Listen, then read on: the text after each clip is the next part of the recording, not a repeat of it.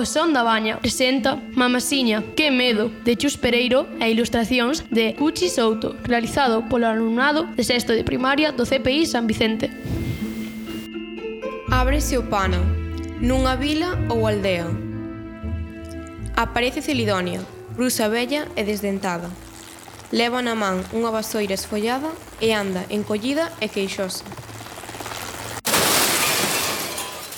Ai, ai, ai, vai a trompada levei. Ai, ai, teño que reparar a vasoira. Xa hai tempo que falla o tren de aterraxe. A miña vasoira vai bella, como a min. Calquer día morremos as dúas afociñadas. Ai, ai, vou ver onde caín, a ver se acertei co sitio. Achégase os cartéis. Vaya, se non trouxen as gafas de cerca, vou preguntar a esta xentiña. E vostedes estou en Xalundes, non si? Si, isto é Xalundes. A min non me engana un pipiolo calquera. Ai, doemo o lombo. Voume sentar neste curruncho mentre agardo polas miñas comadres. Celidonio vai cara un curruncho e senta no chan. Aparecen os tres cegos, ao son dunha zanfona. Levan un cartel coas ilustracións da historia que contan Tras deles van chegando os paisanos da aldea que toman posición e escoitan atentos. Miñas donas, meus señores, aquí estamos os tres cegos. Vimos contar unha historia, ai mamasiña, que medo. De meigallos e fantasmas, de vampiros e morcegos. Ruse ruse na negrura, ai mamasiña, que medo. Remirado e relambido, neste arrepiante castelo, vive xigante xubenco, ai mamasiña, que medo. Ten xubenco grandes dentes e grandes ollos funestos. Ten voz de trona arrepiante. Ai, mamaciña, que medo! Cando chega a noite pecha, sai o xubenco famento. Papa, o primeiro que se atopa. Ai, mamaciña, que medo! Logo de papar a xente e co bandullo xa cheo, deitase con ollo aberto. Ai, mamaciña, que medo. Axixando todo o día, este xigante noxendo. Quere engullirnos a todos. Ai, mamaciña, que medo que non atope co xigante, pode facer testamento. Nos fuximos, por se acaso, ai mamaciña, que medo. Vanse os cegos, os paisanos murmuran, apampados e medollentos coa historia. Va, andrómenas, paparruchas, pero quen vai creer semellante historia? Nós! Como? Credes vos que pode ser certa semellante parvada? Sí! Pero que clase de xente vive neste lugar? Se se conto non asustan nin os nenos de chupeta. Ai, canta burremia. Sodes todos uns cagainas. Sí, señor, uns cagainas aparrulados, uns papaleizóns, uns paifocos, uns... Alto aí, uns... un momentiño. Desculpe vostede, señora, pero non imos permitir que unha forasteira veña a facer a chufa a nosa conta. Sí, porque vostede é forasteira. Ben se ve que se fose de aquí non andaría tan arrichada nin tan chacharacheira. Nin tería a lingua tan afiada. Sí, señora, que os aquí presentes, habitantes todos deste lugar, ben sabemos que o do xigante Subenco non é un conto. Ai, non diga o seu nome, que me dá un desmaio. Ai, sí, sí. A min, cando ollo dicir Xubenco, dame unha comechón. Ai, sí, sí.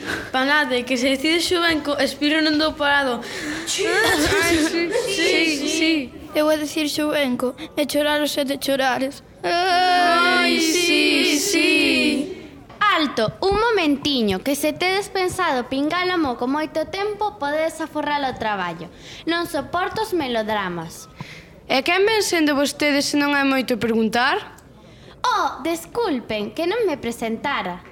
Chámome Celidonia Colondra e son bruxa profesional. De aí que non me impresionen as historias de ogros nin xigantes, por moi lambóns que sexan.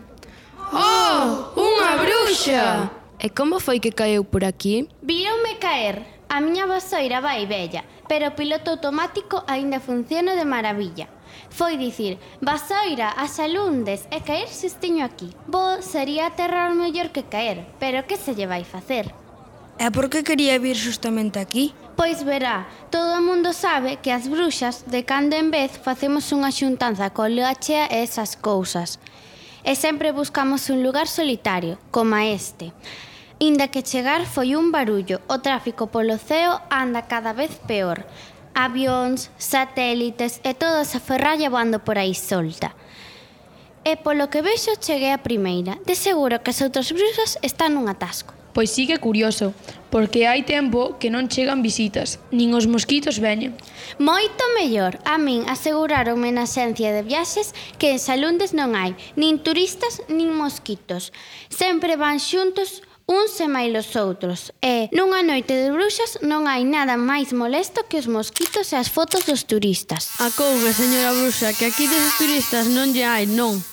E como vai a velos se os primeiros que chegaron eran uns papáns? Sí, ao ver o castelo dixeron «Oh, wonderful!» e alá foron.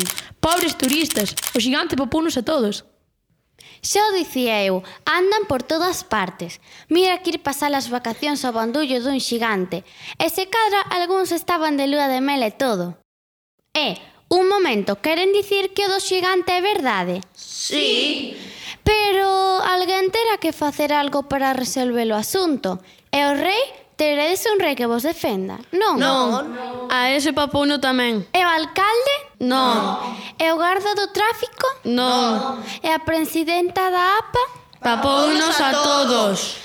A todas as autoridades. Carafio, pois sí que ten bo dentro tal xubenco.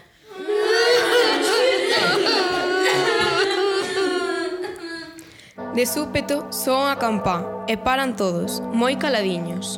E agora que pasa? Tedeslle medo tamén ao cura? Non, o cura papouno tamén hai tempo. Esa campá é a que puxemos na porta do xigante. Sérvenos de aviso cando sae do castelo. Oh! Ai! E máis vale correr, porque ya seguro, señora, que o xigante tanto lle ten un menú como a outro. Na merenda de onte pillou os catro porcos que tiña.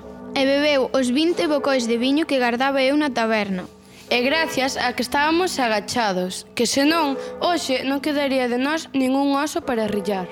E que facedes aí parados? Correde!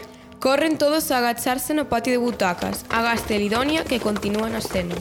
Eu non dou moito creto esta historia, pero polo si ou polo non, Non vou agardar aquí a que chegue un xigante. Así que, arre basoiriña, imos voando. Ai, dice que arre basoira.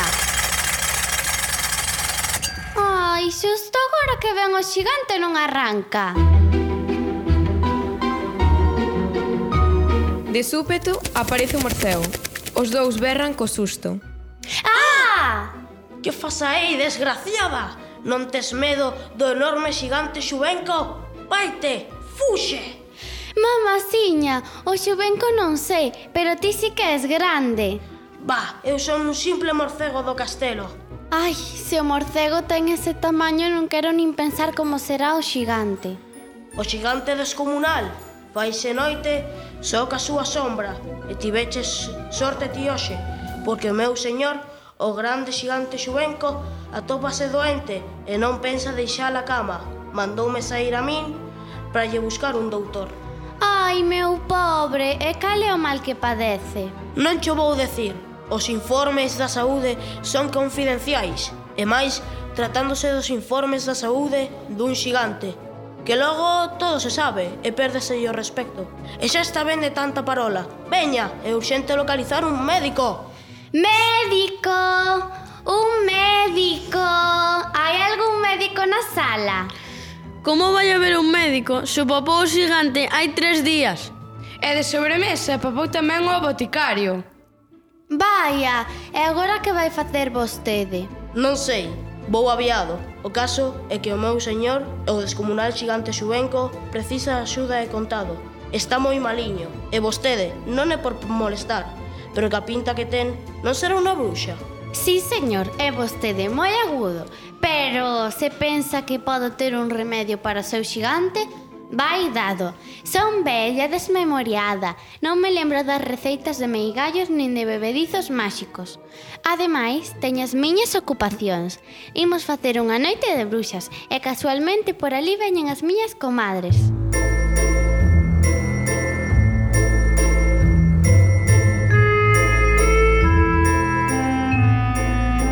De fondo do patio de butacas chegan as outras bruxas, Chincho e Chincheta.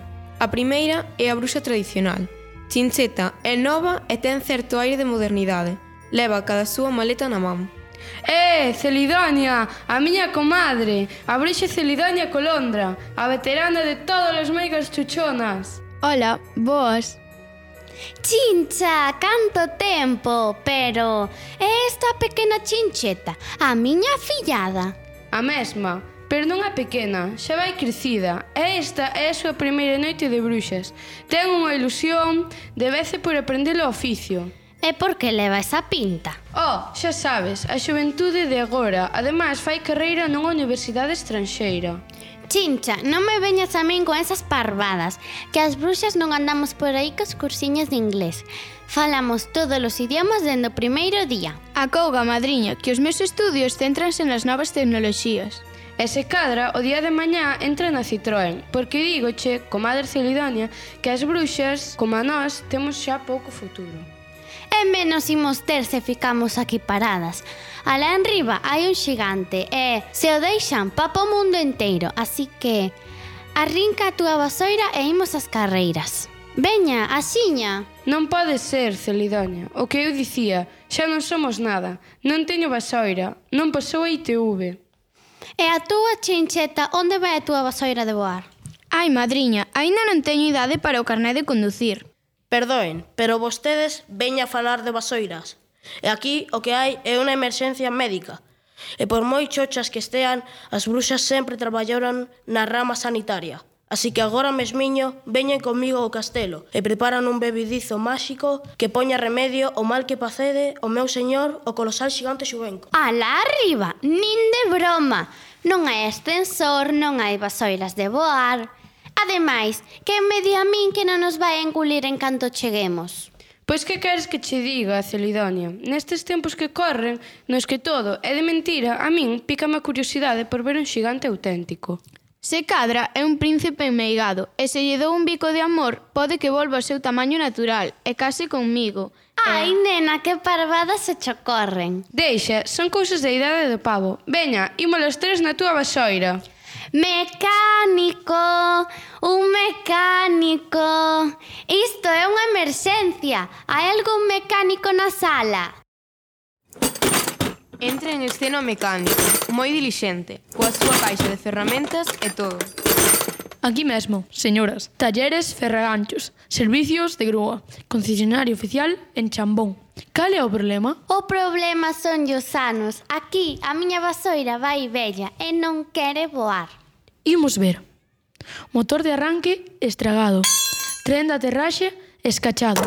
Depósito de combustible bota por fora. De... O máis grave, hai piollos. Ah, iso é o normal. Hai quen ten un gato ou un can. Eu teño piollos de toda a vida. O caso é que non o podo amañar. Son 30.000. Pois con 30.000 piollos, se os poñemos a todos de acordo en dar un chimbo ou un tempo, ainda podemos subir ao castelo. Boa idea, chincha, alá imos. Soben as tres na vasoira. Piolliños todos. Unha, dúas, tres. Celidonia, mete a segunda. Ben! Oise a voz do mecánico. E, e quen me paga a min o desplazamento?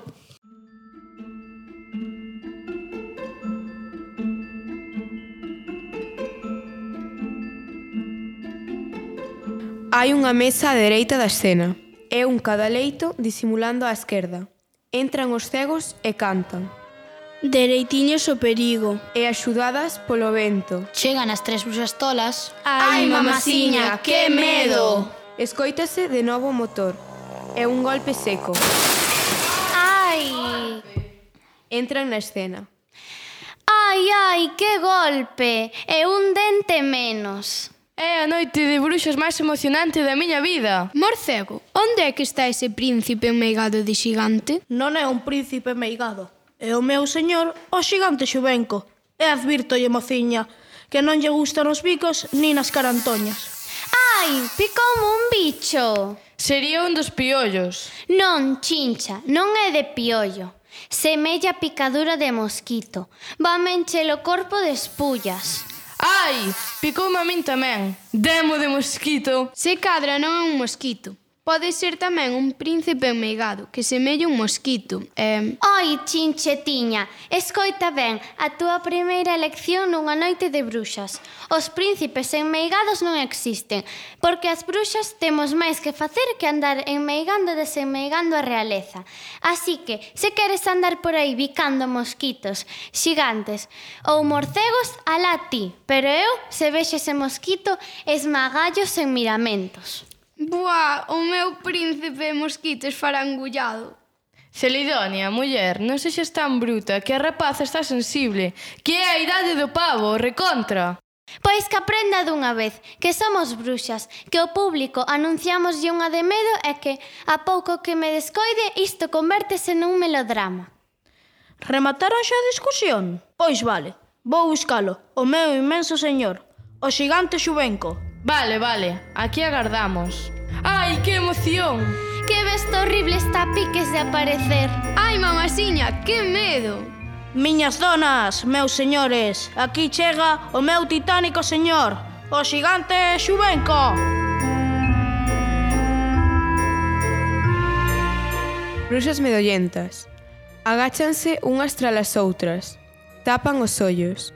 E aparece o xigante, decepción. Oh! O xigante é un personaxe de tamaño normal, tirando a pequeno.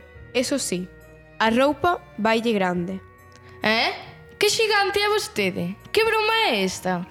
Non é broma ningunha. Eu son un xigante subenco e a miña doenza é esta. Estou encollido. Ah! Lavaríase moito. Eu por iso non me baño nunca.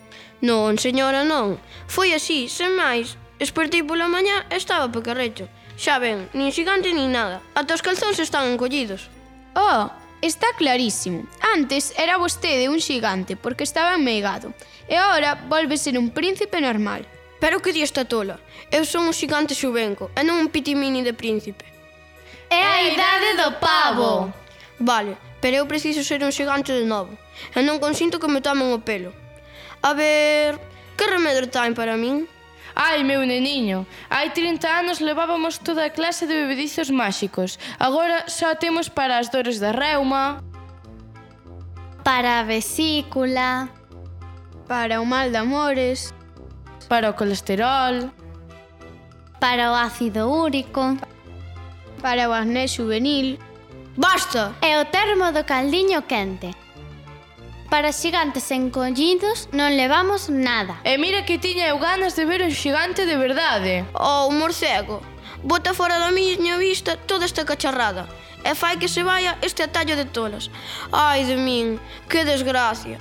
O morcego colle a maleta de chincha. Se cadra, eu podo atopar algo. Non, filliña, que vas poder? Se ti és aínda moi nova, non te preocupes. Os cambios de tamaño son o máis difícil da bruxería. Nos meus mellores anos preparei moitos bebedizos de agrandar en coller, pero agora, de vella, vou desmemoriada. Imos, que aquí non pintamos nada. Pero eu domino as novas tecnoloxías e casualmente levo aquí na miña maleta un ordenador portátil do máis xeito. Todos fican expectantes. Chincheta abre a maleta e saca un ollo xigante que pon na mesa á vista de todos. É o último descubrimento cibernético – o máis avanzado do mundo da robótica. Oh, será para botalo mal de ollo, non si? Non, chámase Ocus Listus. Todo sabe e todo pode ver, dende as cousas máis grandes ata as microscópicas. Domina todos os datos, toda a sabedoría. Non sei. A min as cousas modernas... Oh, e ten mando a distancia.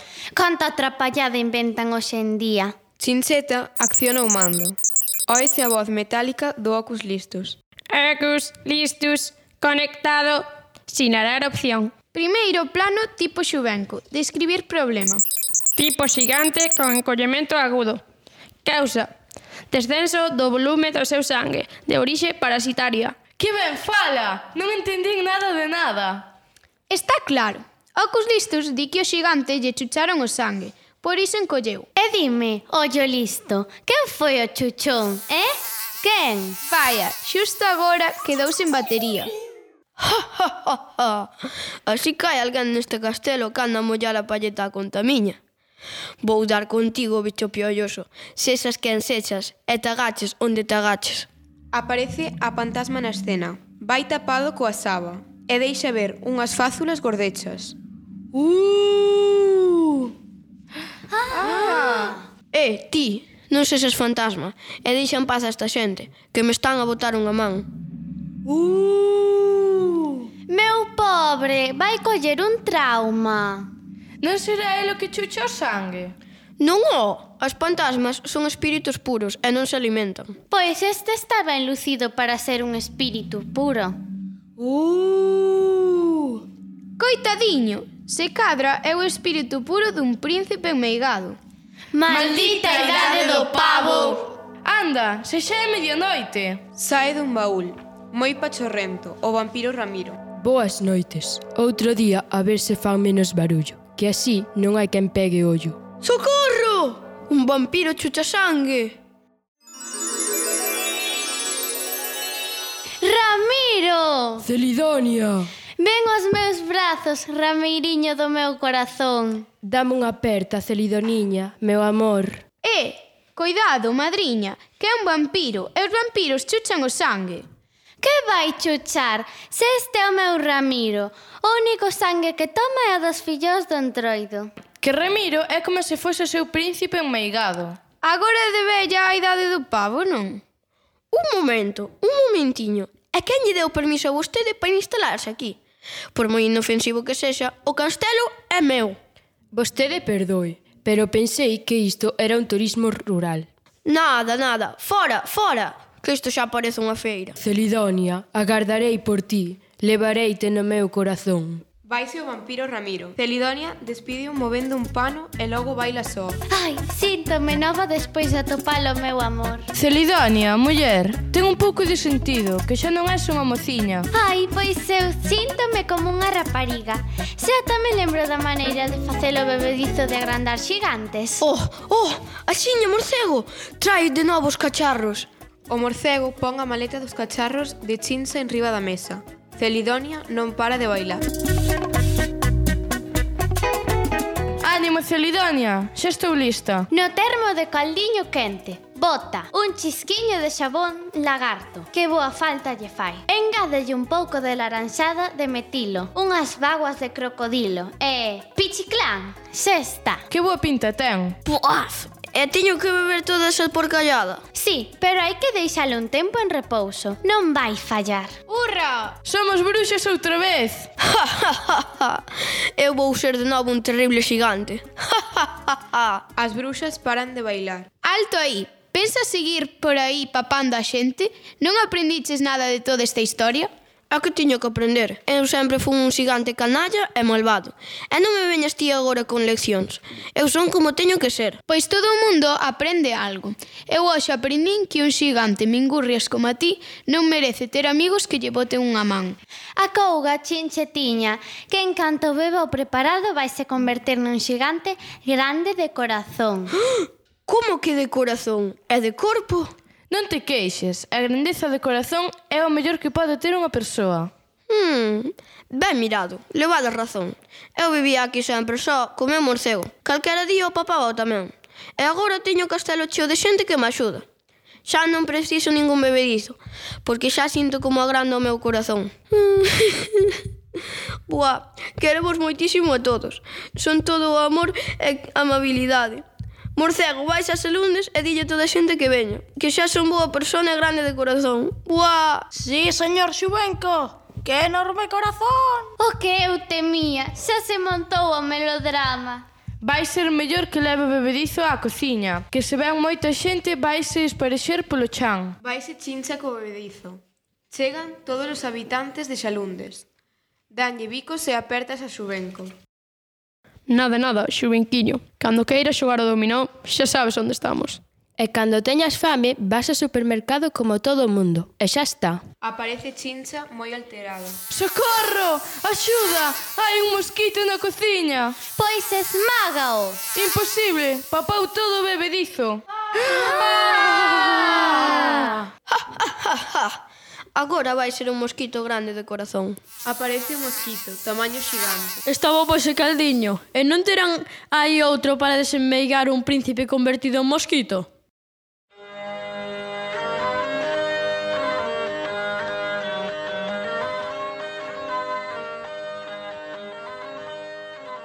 Foxen todos, entran os cegos. E aquel xigante larpeiro, Co seu corazón inmenso Fíxose home de proveito Mamaciña, que escarmento E poñan moito cuidado Que anda por este colexo Un mosquito chuchanenos Ai, mamaciña, que medo